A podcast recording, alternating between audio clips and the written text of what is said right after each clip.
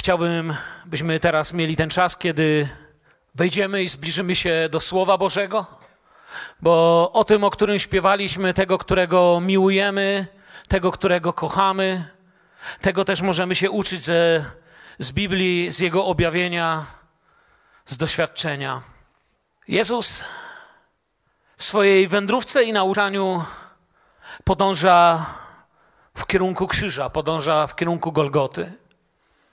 W miarę tego, jak jest mniej rybek, mniej chlebków, mniej przyjemności, a jego nauka zaczyna nabierać kształtu, zmniejsza się też ilość ludzi, która z nim idzie. Im bliżej jest krzyża, tym mniejsze tłumy mu towarzyszą. Wzbudza coraz więcej kontrowersji, a faryzeusze postanawiają już bez żadnych ogródek, już nie próbują nawet udawać, o co im chodzi wprost. Mówią, trzeba tego człowieka zamordować, trzeba tego człowieka usunąć. A jest z każdej strony atakowany. I staje przed kolejną próbą zdyskredytowania, kiedy przynoszą mu monetę z podobizną Cezara i myślą, może się go uda jakoś politycznie ośmieszyć, załatwić. Wiecie, to był ich świat, w którym oni żyli. Świat, gdzie się kogoś niszczy, ośmiesza, gdzie gdyby znali nasz dzisiejszy współczesny język, to by ktoś powiedział zaorał, zdemolował i tak dalej. Czasami z tego są dumni ludzie tego świata, ale nie udaje się. Kiedy odchodzą zawstydzeni, bo się okazuje, że na tego pieniążka Jezus nie dał się nabrać, wszyscy znamy tą historię, aby co Cezara dawać Cezarowi, co Bogu, to się należy Bogu. Sprawa się zamknęła. Ci, którzy próbowali, żeby to, że tak się wyrażę, Jezusa zatkało, ich zatkało. Biblia mówi, zadziwieni byli Jego mądrością. Podchodzi następna grupa ludzi, którzy wymyślili sobie cieniutką historyjkę Postanawiają powiedzieć taką historyjkę, nawet nie przypuszczają, że jest tak cienka. Wiecie, w czasach, kiedy jeszcze e, ja byłem dzieckiem, mówiło się, że coś jest cienkie jak Paul Silver. Dzisiaj e, nikt nie wie, co to jest. To była żyletka do golenia. E, I taka cienka jest ich historia. I wybrali się, żeby tą historią zagiąć Pana Boga. I czytając to, pamiętajmy, że tak naprawdę nie pytają Jezusa szczerze ich pytanie ma jeden cel: ośmieszyć, zniszczyć, zrobić to jakoś tak, żeby w końcu wyszło, że nasze jest górą. I otwórzmy Ewangelię Marka, 12 rozdział. Ewangelia Marka, 12 rozdział, od 18 wersetu. Przyszli do niego saduceusze którzy utrzymują, że nie ma zmartwychwstania, zadali mu pytanie. Nauczycielu, Mojżesz napisał nam, aby jeśli czyjś brat umrze i pozostawi żonę, a nie pozostawi dziecka, jego brat wziął ją za żonę i wzbudził potomstwo swojemu bratu. Otóż było siedmiu braci. Pierwszy ożenił się i umarł bezdzietnie. Potem pojął ją drugi, lecz także umarł bezdzietnie, tak samo trzeci. I tak siedmiu nie zostawiło potomstwa. Na koniec po wszystkich umarła i ta kobieta. Po zmartwychwstaniu więc, którego z nich będzie żoną? Siedmiu przecież miało ją za żonę. Jezus im odpowiedział: Czy nie dlatego błądzicie, że nie znacie pism ani mocy Boga? Po zmartwychwstaniu nie będą się żenili, ani nie będą wychodziły za mąż, lecz będą jak aniołowie w niebie. A o umarłych, że zmartwychwstaną, czy nie czytaliście w opowiadaniu o krzewie w księdze Mojżesza, jak Bóg oznajmił: Ja jestem Bogiem Abrahama, Bogiem Izaaka i Bogiem Jakuba? Bóg nie jest Bogiem umarłych, lecz żywych. Bardzo błądzicie. Bóg jest Bogiem żywych. To jest tytuł tego nauczania, którym chciałbym się dzisiaj z Wami podzielić. Wiecie, pamiętam taką zabawę, kiedy byliśmy dziećmi, to rodzice ze względu na metraże też naszych mieszkanek w blokach nie za bardzo byli zachwyceni, kiedy dzieci u kolegi czy u koleżanki bawili się, bawiły się w chowanego. Pamiętacie takie zabawy jeszcze, nie? To było zanim polować zaczęli na Pokémony z telefonami i tak dalej. Ale ze względu na to, że no trudno się było schować gdzieś tak naprawdę dobrze w małym mieszkaniu, dzieci jeszcze bawiły się w inną zabawę. Bawiły się w zabawę ciepło-zimno. Pamiętacie tą zabawę? Brało się, nie wiem, klucz albo jakąś inną rzecz, chowało się ją i ktoś chodził po domu i się mu mówiło ciepło, ciepło, ciepło, ciepło, zimno.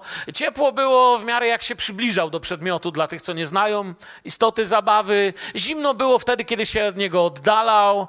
No i kiedy już było bardzo gorąco, to osoba czuła, że to gdzieś tutaj musi być. Jeżeli by tymi miarami mierzyć, miejsce, gdzie człowiek poszukuje, aby znaleźć Boga, to dzisiejsi goście, o których czytaliśmy, są gości z Antarktydy. To są goście z Antarktydy. Jest tak zimno, że już zimniej być nie może, ale przychodzą zagiąć Pana Boga swoją historyjką. Bóg z nami w to nie gra. Bóg chce, abyśmy żyli prawdą o Królestwie Bożym, a nie byli takimi właśnie gośćmi z Antarktydy, którzy są tak daleko, że dalej się nie da, że, że sam Jezus spogląda na nich i mówi: błądzicie. Oni nie są nawet daleko, oni błądzą. Ich dyskusja dotyczy pośrednio zbawienia, które tak naprawdę podważają. Bo przecież zbawienie, oczywiście oni uważają, że wierzą w zbawienie, ale za chwilę o nich powiem więcej. Zbawienie w definicji. Co myślisz, kiedy mówisz zbawienie? Oczywiście jesteśmy świadomi krzyża, ofiary barankowe i tak dalej, ale jednym słowem jeszcze to ubierając, zbawienie w definicji to przywrócenie człowiekowi utraconej przez grzech jedności z Bogiem. Najkrócej. Oczywiście z tym się wiąże wszystko to, co zrobił dla nas Pan Jezus. I to, jak na to odpowiemy. Gdybym miał go doświadczać bez zmartwychwstania, Wyobraźcie sobie, że masz być zbawiony, ale nie ma zmartwychwstania. To właściwie zbawienie jest absolutnie rzeczą bezsensowną. No po co mam być zbawiony, skoro nie mogę powstać z martwych? I tutaj gdzieś jest to miejsce, gdzie zaczynają błądzić, ale idziemy dalej. Saduceusze podchodzą do dawcy życia wiecznego Jezusa. Chcę, abyście wiedzieli, że jedną z praw, które wierzymy jako Kościół, jako chrześcijaństwo, wierzymy, że Jezus Chrystus jest wiecznym Synem Bożym. Bez początku, bez końca. Podchodzą do wiecznego Jezusa, tego, który ofiaruje, ofiaruje nas pojednaniem, który obdarowywuje nas pojednaniem, ofiaruje swoje życie za nas, przepraszam, i tego, który daje nam, na, nam całą wieczność, tego, który ma pozostawić za sobą pusty grób, Pana życia i śmierci, Króla Królów, Pana Panów, tego, który patrzył na radość Abrahama, tego, przez którego światy i wszechświaty powstały, a więc podchodzą do Niego i próbują Go zagiąć sprawami wieczności przyszli, Słowo Boże mówi do niego saduceusze, którzy utrzymują, że nie ma zmartwychwstania i zadali mu pytanie. Zanim przejdę dalej, chciałbym, abyście wiedzieli, kim, kim ci saduceusze byli, kim oni naprawdę są. To była elita. Saduceusze są stronnictwem arystokracji żydowskiej. Żeby być jednym z nich, trzeba było być naprawdę kimś z właściwego rodu, Kapłani mają ziemię, mają władzę, mają wpływy, mają ogromne majątki. Ich nazwa pochodzi od imienia przodka ich Sadoka, jednego z dwóch kapłanów Dawidowych. I Sadok pochodzi od hebrajskiego słowa sadyk, sprawiedliwy, prawy. I oni się tak nazwali, Bóg ich tak nie nazywał, ale jest człowiek, którego tak Bóg nazywał. Jest ktoś, kogo Bóg nazywał Sadyk. Wiecie kogo? Męża Marii, Józefa. To był mąż sprawiedliwy. Tu Bóg widział sprawiedliwość. I Józef, ten, który z Marią do Betlejem jechał i troszczył się o dziecię Jezusa, często w czasie świąt Bożego Narodzenia, wszyscy sobie o nim przypominają. Jego Bóg nazwał Sadyk sprawiedliwy, ale nie ich. Oni się tak nazwali, mają ogromną tradycję. Może niektórzy mówią, ich nazwa też pochodzić od Sadoka, od ucznia Antoginiusza. Jakieś 200 lat przed narodzeniem Pana Jezusa, co jest mało możliwe, dlatego że oni istnieją dużo dłużej, ale być może wtedy sobie taką nazwę przyjęli, dlatego że ów człowiek odrzucił zmartwychwstanie, uznał, że zmartwychwstanie to jest bzdura, że nie ma i niemożliwe jest coś takiego jak zmartwychwstanie. Cie, oczywiście patrząc ludzkimi sposobami, co my możemy wiedzieć. On odrzuca nie tylko zmartwychwstanie, ale i sąd. Mamy saduceuszy. Nie wierzą w anioły, nie wierzą w demony, nie wierzą w przeznaczenie, uważają, że człowiek jest odpowiedzialny za swój los, że cokolwiek się dzieje jest efektem dokładnie tego, co ty zrobisz i nikt inny nie ma na to wpływu. Sprawowali kontrolę i opiekę nad świątynią przez setki lat. Odpowiedzialni byli. Robili to nieźle, jeśli chodzi o pewne przynajmniej materialne sprawy, są elitą społeczeństwa. Również sprzeciwiają się faryzeuszom. Faryzeuszom. Faryzeusze dla saduceuszy są jak liberałowie. Wiecie, to jest jak skrajna prawica i lewica. Saduceusze są skrajną prawicą, są konserwatystami. Natomiast faryzeusze są dla nich rodzajem dzisiejszym językiem, oczywiście mówiąc nie, nie tamtych, nie językiem tamtych czasów, są liberałami, są, są nieomal lewicowi. A więc sprzeciwiają się im, wierzą w wyjątkowość świątyni jako miejsca i wyłączność świątyni jako miejsca. Faryzeusze uważają, że niektóre praktyki, niektóre doświadczenia z Bogiem można przenieść poza świątynię. Sadyseusze uważają, że absolutnie nie. Świątynia i jej otoczenie jest jedynym miejscem, gdzie coś można przeżywać z Bogiem. Wierzą, że wiara w zmartwychwstanie jest tym samym co pesymizm. Że wobec dzisiejszego dnia oni tak nauczają i mówią do ludzi tak: wystarczy być posłusznym Jahwe, a Jahwe cię ubłogosławi i nie musisz w ogóle wierzyć w żadne zmartwychwstanie. Bóg dziś cię ożywia, dziś jesteś żywy i jeśli będziemy tym, kim mamy być i będziemy żyć właściwie, to po prostu Bóg zrobi, co do Boga należy być po prostu wystarczy posłusznym Bogu i będzie tak, jak należy. Uznają, że faryzeusze, wierząc w zmartwychwstanie i sąd, podważają przymierze Izraela, podważają przymierze z ksiąg mojżeszowych, podważają przymierze Abrahama, Izaaka Jakuba. Oto osądzają faryzeuszy. Uważają, że to przymierze dotyczy dzisiaj, tutaj, teraz, działa tu na ziemi. Uważają, że obrzędy i pokuta przed Bogiem w świątyni uczynią Izrael wielkim ludem Bożym i niczego, naprawdę niczego więcej nie trzeba, aby ten lud trwał, aby ten lud trwał i był wielki. Następna rzecz, jeśli chodzi o nich, byście wiedzieli, kto podszedł do Pana Jezusa. Odrzucają w całości pisma, proroków i wierzą tylko i wyłącznie w Mojżesza. A więc gdybyście zobaczyli, że tak się wyrażę teraz już współcześnie, Biblię Saduceusza, to nawet nie był to Stary Testament, a były to po prostu tylko pięć ksiąg mojżeszowych. Uznają, że jest to jedyna natchniona prawda, a reszta to jest dołożone, wymyślone i nieprawdziwe. Wierzą tylko w Torę. My wiemy, choćby z tego, jak Jezus tłumaczył o swoim zmartwychwstaniu uczniom w drodze do Emaus, że Jezus wierzył, mamy taki akronim Tanach. Pochodzi od słów Tora, Nevim, Ketubim, czyli Tora, pisma, prorocy. Jezus w całość tego wierzył, bo jeśli sobie postudiujecie, jak tłumaczył swoje zmartwychwstanie w drodze do Emaus, to używał i Mojżesza, i pism, i proroków. Zresztą cytował Izajasza, wspominał o Salomonie, a więc wiemy, że tu nie trzeba za wiele szukać, aby zobaczyć, że choćby tutaj już są bardzo ograniczeni. Pomimo wszystko, żeby za dużo czasu im też nie poświęcać, wraz z faryzeuszami są zawsze blisko władzy. Wierzymy w co wierzymy, ale są zawsze obok faryzeuszy, zawsze blisko centrum władzy, centrum rozdziału majątku, centrum tego, kto może wpływać na sytuację. Staną się również w przyszłości jednymi z prześladowców wczesnego Kościoła i do 70 roku będą wielkimi przeciwnikami i wrokami młodego Kościoła. Ich poglądy, dlatego powiedziałem do 70 roku, walą się w gruzy w 70 roku. Jak wiecie, nadciągają potężne armie, legiony Rzymu pod dowództwem Tytusa otaczają Jerozolimę i równają święte miasto z ziemią, w tym również świątynię zniszczą. A więc znika jedyne miejsce, gdzie saduceusze mogliby się modlić, gdzie mogliby coś doświadczać. Przestają być jakby potrzebni, tracą grunt do wiary, tradycji i istnienia.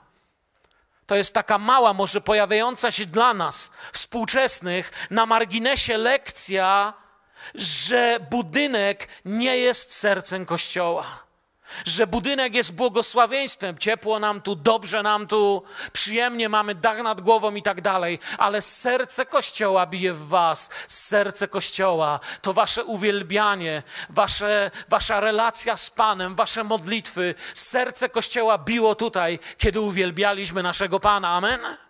Budynek można nam zabrać, to prawdy nie da się nam zabrać. I dlatego prawdziwi czciciele uwielbać Go będą w duchu i w prawdzie, bo tego ci nie zabierze więzienie, służby bezpieczeństwa, ani żadne inne prześladowania. Budynek, historia Kościoła pokazała, że budynki można zwalić, można zabrać. Pewnie, że to jest nasze miejsce, za które jesteśmy wdzięczni Bogu. Każdy, kto je kocha, gdyby się z nim coś stało, nie wiem, gdy, gdy, gdyby tu był pożar, to dzień później każdy z nas w tym miejscu by się znalazł, żeby pytać, co mogę zrobić, jak mogę pomóc. To jest ważne ale to nie jest serce bijące Kościoła. Mojżesz nigdy nie pisze wyraźnie o zmartwychwstaniu i to jest ich problem.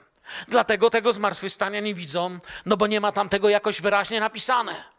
I Bóg prowadzi nas do prawdy o zmartwychwstaniu przez Słowo.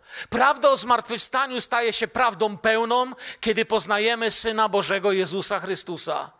Bez poznania Niego nie ma poznania zmartwychwstania, bo On jest zmartwychwstaniem i życiem. On jest drogą, prawdą i życiem. I wiecie, pewnie, że w Starym Testamencie zmartwychwstanie jest objawiane, ale oni mają za mało, by je zobaczyć tak, jak nauczał go Jezus. Zaczyna być widoczne w przepiękny sposób w psalmach. Przepięknie widać je w księdze Hioba, a najpiękniej w Jezusie Chrystusie. Amen. Oni mieli problem. Oni mieli w ogóle problem z wiarą, wiecie, w zmartwychwstanie, nawet takie, takie zwykłe. Zmartwychwstanie takie jak to, że Łazarz wyszedł z grobu, albo to, że córka Jaira została wzbudzona. Dla nich już nawet takie zmartwychwstanie było niemożliwe, nie wierzyli w nie, uważali, że to są kłamstwa. Nie wierzyli w to. A to jeszcze nie było to, co naprawdę Pan Bóg nazywa zmartwychwstanie. Bo ci ludzie ciągle żyli, ale jeszcze musieli umrzeć. Co dopiero zmartwychwstanie do życia wiecznego, gdzie to, co stare, naprawdę przemija, gdzie jesteśmy odnowieni. Dla nich to, co czekało nas tam, było problemem. Jak widać z ich historyjki zresztą. Jezus głosił, że to, co czeka nas tam, to jest absolutny brak problemów. I tu jest różnica między nimi. Oni uważają, no gdyby wszystko było prawdą, no to tam będą problemy. to będą tam problemy. I teraz, znając małą część prawdy, podchodzą do tego, który prawdą jest i chcą go, to słowo zagiąć, nie? może nie jest ładne, a, ale oddaje to, co chcą. Chcą, chcą, chcą, chcą się sprzeczać. Wiecie, przypomina mi to, to jest trochę tak, jakbym podszedł do, nie wiem, do profesora Bralczyka i profesora Miotka i sprzeczał się z nimi o zasady języka polskiego. Albo nawet to nie oddaje ogromu różnicy tego, jak bardzo nie rozumią, z kim rozmawiają, nie pojmują. Są dla nas też ostrzeżeniem przed przyjęciem przez nas pasującej do naszej rzeczywistości części Słowa Bożego. Wiecie o czym mówię? Że przyjmujemy sobie tylko tą część Biblii, czy tą część Słowa Bożego, która do nas pasuje. Kiedy jeszcze byłem kapelanem więziennym, Głosiłem czasami po celach, mieliśmy osobne dyskusje, rozmowy, różne pytania i byłem zadziwiony. Słuchajcie, czy to złodziej, czy bandyta, czy gangster, nie znali mnóstwa fragmentów Słowa Bożego, ale jeden znali, że Jezus zamienił wodę w wino. To wiedzieli. Kiedyś jednemu tłumaczę, chłopie, ty nie powinieneś pić. Alkohol całkowicie zniszczył twoje życie. On mi mówi, ale ale Paweł, pa, pa, Paweł pisał do Tymoteusza, żeby też trochę dolewał. To wiedział. Oni zawsze to wiedzą i poza to nie wychodzą, bo tam nie ma komfortu. I oni tylko tyle wiedzieli. Kosztowali Słowo Boże Mojżesza, nie idąc zupełnie dalej. To jest, wiecie, byli kimś, kto, wyobraźcie sobie, nie wiem, uczcie, ucztę weselną w Kanie Galilejskiej, tam gdzie Jezus zamienił wodę w wino. Wiecie, kim oni byli? Byli kimś, kto wyszedł wtedy, kiedy skończyło się to pierwsze wino. I nie poczekali na to drugie. Nie poczekali na to, aż Bóg poda to, co najlepsze, bo tak jak na tej uczcie, tak w rzeczywistości duchowej, Mojżesz, pisma i prorocy są piękne, ale najpiękniejszy, najsmaczniejszy, najlepszy jest nasz Pan Jezus Chrystus. Jest tym, co najlepiej podane. A więc ich poznanie zamyka się w konieczności sprawowania liturgii, kultu i brak tego rzuca ich w pustkę. To jest to, co mówię prawdy nie da się zabrać. Sprawowanie czegoś, jeśli warunkiem jest budynek, krzesełko i inne rzeczy, to się da zabrać. Ale w miejscu, w którym jesteśmy, świątynia lśni swoim blaskiem. Jeszcze pozostaje dużo czasu do, czas, do, do, do momentu, kiedy nadejdą wojska Tytusa. Świątynia lśni złotem, blaskiem i sławą. Dlatego śmiało mówią nauczycielu, Mojżesz napisał nam, aby jeśli czyjś brat umrze i pozostawi żonę, a nie pozostawi dziecka, jego brat wziął za żonę i wzbudził potomstwo samemu bratu. Zaczynają. Korzystają oczywiście z Mojżesza, tylko to mają. Nazywa się to prawem lewiratu, od słowa lewir, czyli brat męża. Brat, według tego, co nauczał ich Mojżesz, powinien zatroszczyć się o wdowę po swym bracie. Pierworodny syn z tego związku otrzymywał jego imię i w ten sposób przedłużał się ród. I tak to było, to była prawda. Brak potomstwa przez tamtych ludzi, przez Hebrajczyków, był uznawany za przekleństwo. I zresztą, jeśli czytamy Biblię, to widzimy czasami Pamiętacie Annę, jak się modliła o dziecko? Pamiętacie, dla nich brak potomka, brak dziecka to naprawdę była wielka tragedia. Nie tylko brak dziecka wyłączał rodzinę z dziejów, ale również z oczekiwania na Boże obietnice dla Izraela. Pamiętacie, jak oni bardzo uważali na swoje rodowony, na to wszystko, to było ważne, a brak potomków oznaczał, że to się kończy, więc to było dla nich przekleństwo. Ale nie o to im jednak dzisiaj chodzi. Przychodzą do Jezusa z historią nie do obalenia. Normalnie tym razem Pan Jezus nie ma szans. Nie da rady. Wymyślili chłopaki, że nie jeden, nie dwóch, nie trzech. To mówić dalej. Siedmiu. Siedmiu było braci. I siedmiu miało tą samą kobietę za żonę, no bo ja nie wiem, czy ona była taka wredna, czy to tylko ich historia, ale sześciu zmarło i siódmy też zmarł. I teraz oni mówią, którego żoną będzie? No bo przecież siedmiu miało ją za żonę. Zastanawiałem się, kiedy tak sobie, wiecie, wyobraźnią, czytam sobie Pismo Święte, wyobrażam to sobie wszystko jakoś tam w swój sposób. Zastanawiają się, ilu ludzi wprawili w zakłopotanie tą swoją ułożoną historyjką. Myślę, że mieli ją gdzieś w zanadrzu, wiecie, to jest jedna z tych historyjek, kiedy ludzie nie znają Biblii, powiedzą ci i myślą, no i co, i masz, wiecie, to jest historyjka z serii, czy Bóg jest wszechmogący, bo jak jest, to czy może stworzyć taki kamień, którego by sam nie podniósł? A mam cię. Nie? Wiecie o co chodzi? Podali sprawę tak zawile, że byli pewni, że nawet Jezus nie da rady. Może spodziewali się, że Jezus powie: Fakt, no na to nie byliśmy gotowi. Nie. Układ siedmiu braci, jedna kobieta ma być tak naprawdę, wiecie, w tym pytaniu trudnością ośmieszającą zmartwychwstanie. Chodziło o ośmieszenie Pana Jezusa. Jeszcze każdy z nich nie miał dzieci, no bo może baliby się, że gdyby któryś miał, choćby ten ostatni, to, bo, może by im Jezus powiedział, no to ten, bo miał dzieci. A więc żaden nie miał dzieci, żeby trudniej było. Oni nie rozumieli idei zmartwychwstania w ogóle. Wiecie, o czym oni mówili? Powiem to prosto, żebym nie musiał mówić długo. Oni mówili o odnowionym trupie, o reanimacji po zatrzymaniu akcji serca a Bóg, kiedy mówi o zmartwychwstaniu, obiecuje nowe życie w całkiem innej rzeczywistości. To On jest tym życiem, a to już im Mojżesz powiedział i mówi to już w Starym Testamencie.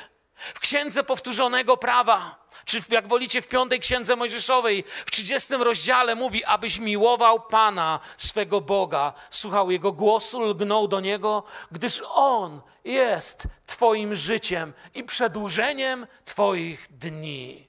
To Pan jest tym, w którym żyjesz. Już Mojżesz to mówił. Abyś zamieszkał w ziemi, którą poprzysiągł Pan dać Twoim przodkom, Abrahamowi, Izaakowi, i Jakubowi. A wiemy z dalej rozwijającego się objawienia, że chodziło o coś dużo, dużo więcej niż ten kawałek ziemi, który nazywamy dziś Izrael. To było piękne, ale Bóg miał jeszcze piękniejsze na myśli.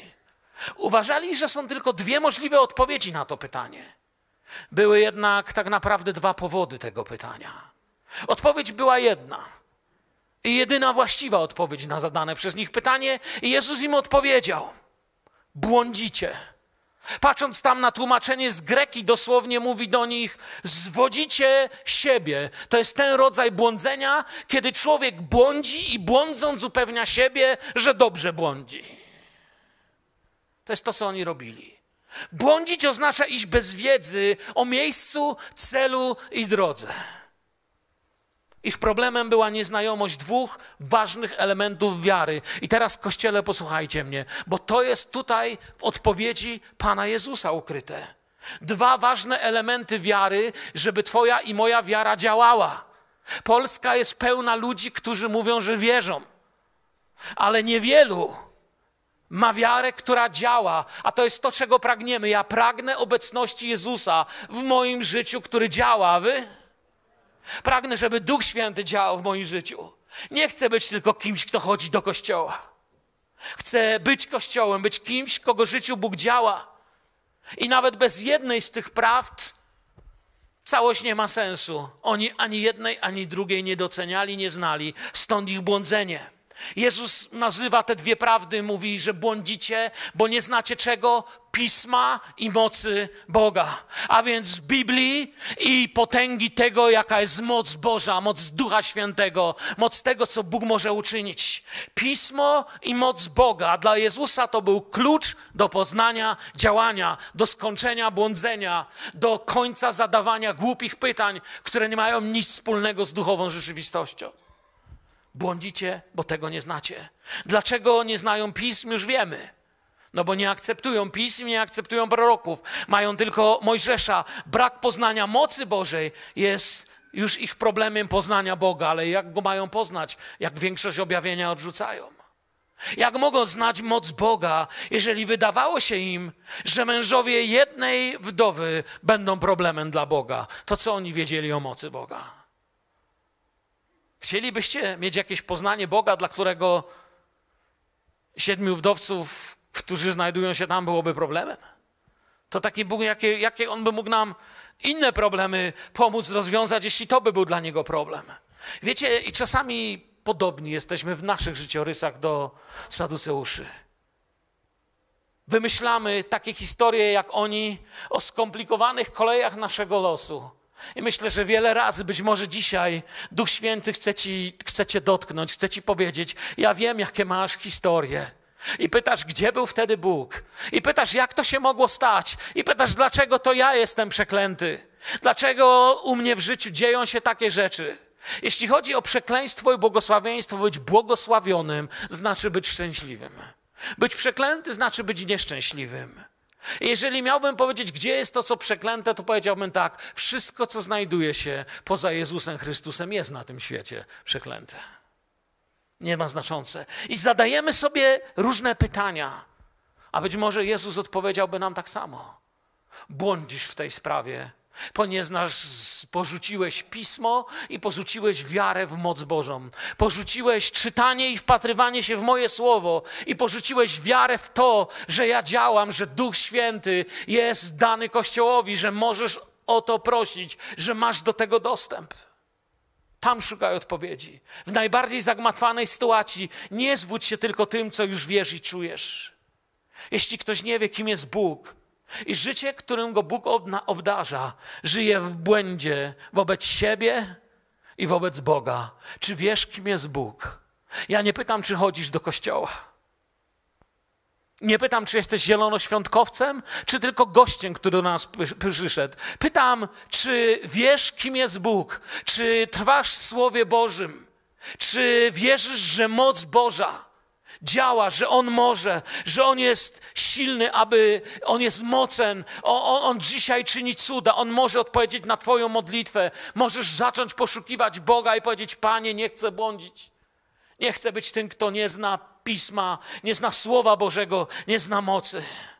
Oni nie znali prawdy o sobie, swoich możliwościach i zbawcy i próbują zadawać pytanie. Nie mieli wglądu w wieczność, mieli diagnozę bez badania. Podali diagnozę, nigdy nie zbadawszy sytuacji.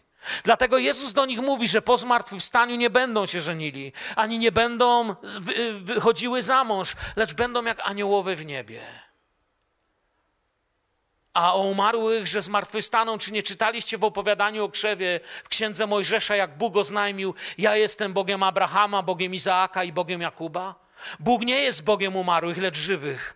Bardzo błądzicie. Cię tak mnie porusza.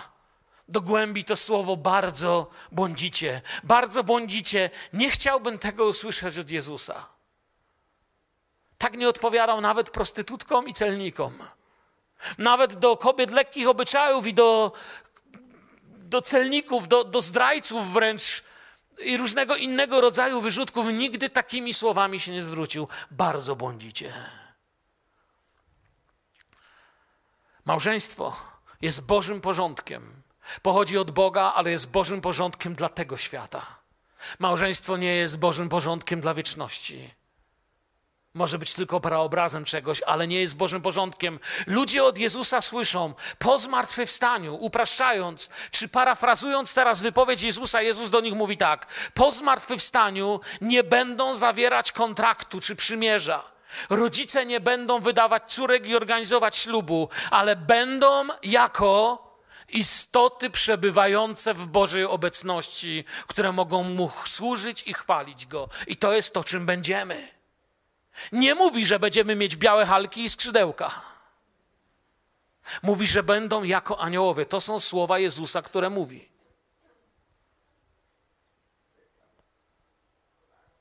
Przepuścili wielką prawdę Ezechiela. Co Ezechiel powiedział? Ezechiel, prorok, powiedział coś takiego o Bogu. Poznacie, że ja jestem Panem, gdy otworzę wasze groby gdy wyprowadzę was z waszych grobów, mój ludu. Słyszycie, co mówi Ezechiel? Gdyby oni akceptowali proroka Ezechiela, gdyby czytali w tym miejscu Pismo Święte, ile mniej problemów by mieli, ile lepiej by się im żyło, o ile bardziej doświadczyliby Bożego błogosławieństwa. Oto światło nauki Jezusa na to, że Bóg nie jest Bogiem umarłych, przeszłych i nieistniejących już rzeczy, ale żywym Bogiem żywych. To, co czyni w nas Jezus, przygotowuje nas na realność tego, co jest w niebie, a nie filozofię tu. Czyją będzie żoną? Zadają mu pytanie. Bo ich zrozumienie zmartwychwstania, czyli zmartwychwstanie to kontynuacja przerwanego grobem życia, czy tego byście chcieli? Popatrz na siebie w lustrze, człowieku. Chciałbyś się taki obudzić w tam? Dziękuję bardzo. No nie? Widzicie to? Zmartwychwstajesz ci i mówią ci, słuchaj, zmartwychwstałeś, jesteś w wieczności, dzisiaj jest wolna, ale jutro znowu do roboty. Po zmartwychwstaniu nie wracamy do, nie wiem, do jakiegoś y, lepszego dziś, ale wchodzimy w Bożą realność, musimy to zrozumieć. Czy nie czytaliście? Wczytajcie się w Mojżesza, bo to przecież czytacie. Oni znają pismo Mojżesza w tym, co napisane. Chcę, byście mnie tu usłyszeli. Znają pismo Mojżesza w tym, co napisane, ale nie w tym, co to pismo znaczy. To jest tak, jak wielu ludzi słyszą o Bogu, ale kompletnie nie przyjmują tego, co Bóg dla nich ma. Ja jestem Bogiem Abrahama, Bogiem Izaaka i Bogiem Jakuba. Czy nie czytaliście? Czy nie chcecie się wsłuchać, co tu pisze? Mówi do nich Jezus jest Bogiem Abrahama, Izaaka i Jakuba, czyli kogo? Jest, czy on jest Bogiem kości pochowanych w grobach? Jeśli Bóg nazywa się ich Bogiem, a oni są Jego ludźmi, to On nie jest Bogiem, który był. On jest tym, który jest i który będzie na wieki. Amen. A oni jako Jego ludzie są żywi. Oni żyją, oni nie przeminęli. Oni nie zostali jedynie nawozem w ziemi, na którym rośnie jakieś drzewko. Wczytujmy się w słowo, wsłuchajmy się w sercem. Oni są z Panem, oni żyją. Jest różnica, wiecie, gdy na przykład pamiętam, jak kiedyś na religię musiałem nauczyć się dziesięciu przykazań. Pamiętam to. Kułem i kułem i kułem, aż wykułem. A jest różnica, kiedy to zrozumiałem. I możecie mnie o nie spytać teraz. One żyją w moim sercu. Ja je po prostu znam. Nie dlatego, że się ich nauczyłem, ale dlatego, że to się zamknęło w pewną całość dla mnie. To jest tak logiczne, że zacząłem tym oddychać. To jest po prostu, wiecie, to, to, jest ta różnica, że Słowo Boże do ciebie dociera. Bóg nie jest Bogiem umarłych, lecz Bogiem żywych. Czy to nie słowa godne znaleźć się w złotej oprawce w naszym sercu i na ścianie? Bóg jest Bogiem żywych. Bóg nie jest Bogiem wspomnień.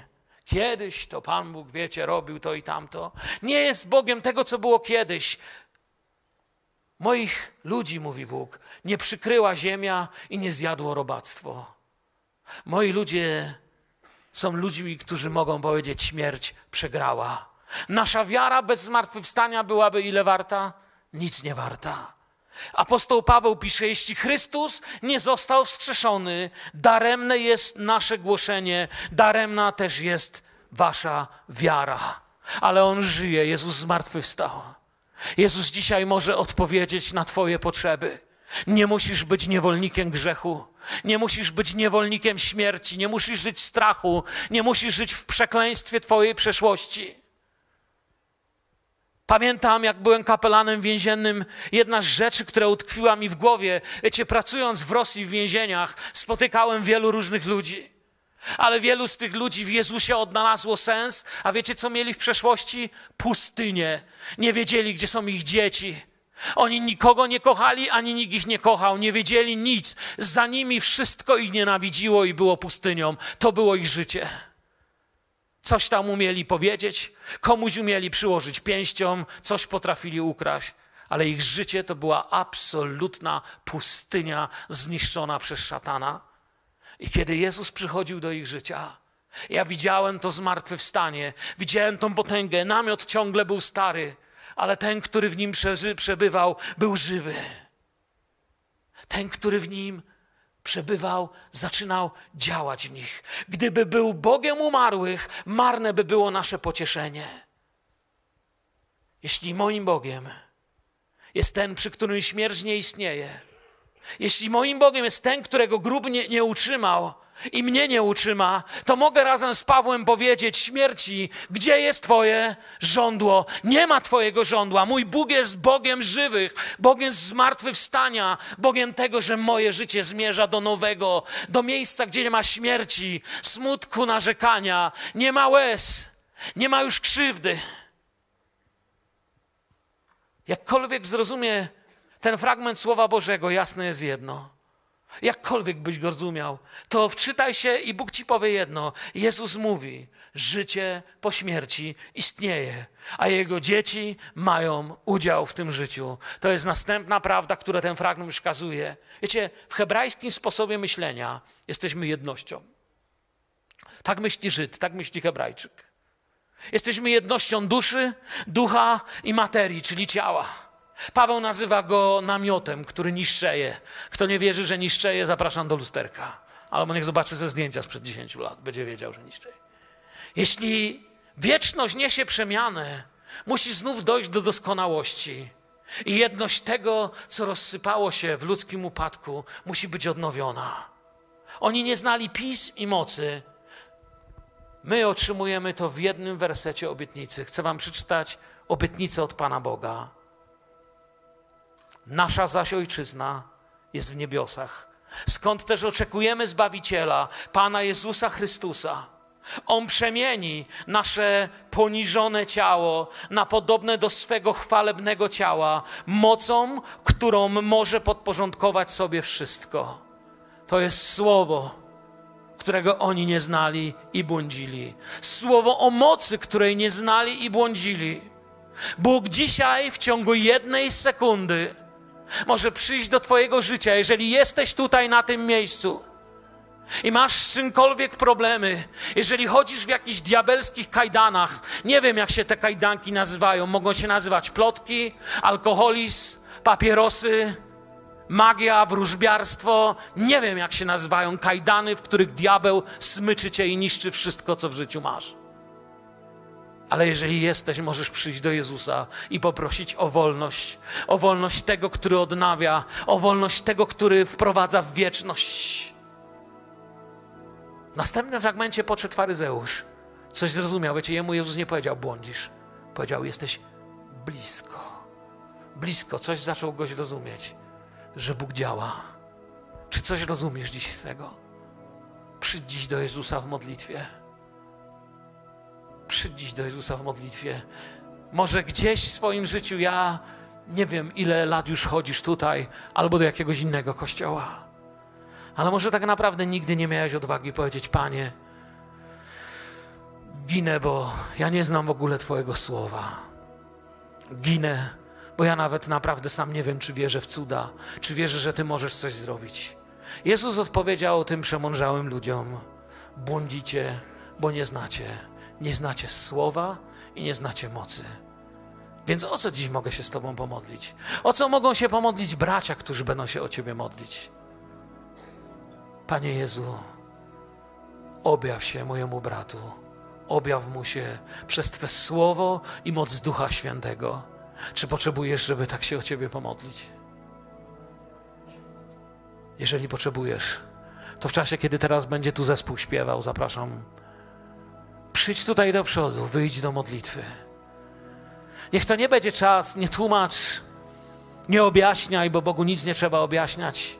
A my też jakoś dokładniej Panu Bogu tego nie powiemy, ale powiedz, potrzebuję dzisiaj, potrzebuję wejść na grunt, aby Bóg objawiał mi swoje słowo i potrzebuję wejść na grunt, gdzie chcę doświadczyć Ducha Świętego. I to dotyczy mnie i Ciebie i każdego z nas. Jeśli nie będę doświadczał wspaniałości Bożego Słowa i nie będę doświadczał mocy Ducha Świętego, to nie będę doświadczał niczego. I będę żył w takiej samej pustce, jak ci wielcy ludzie, ludzie wielkiej tradycji, arystokraci, ludzie wielkiej mądrości, która okazała się na nic nieprzydatna kiedy przyszedł trudny dzień. To jest miejsce miłości. To jest miejsce, gdzie Pan Jezus odpowiada nie z powodu miejsca, dywanu i dachu, z powodu ludzi, którzy kochają Jezusa. Przyjdź dziś powiedz, wejdź w moje życie. Objaw mi siebie, Twoje słowo i Twój Duch Święty. Niech mnie teraz prowadzą. O to Cię, Panie, proszę powstańmy do modlitwy. A ci, którzy potrzebują tej modlitwy, wyjdź do przodu. Bracia, którzy modlicie się, wyjdźcie pierwsi, stańcie twarzą do zboru, aby nabrali odwagi ci, którzy potrzebują się pomodlić. Po to tu jesteśmy, aby się o siebie modlić i siebie błogosławić. Amen.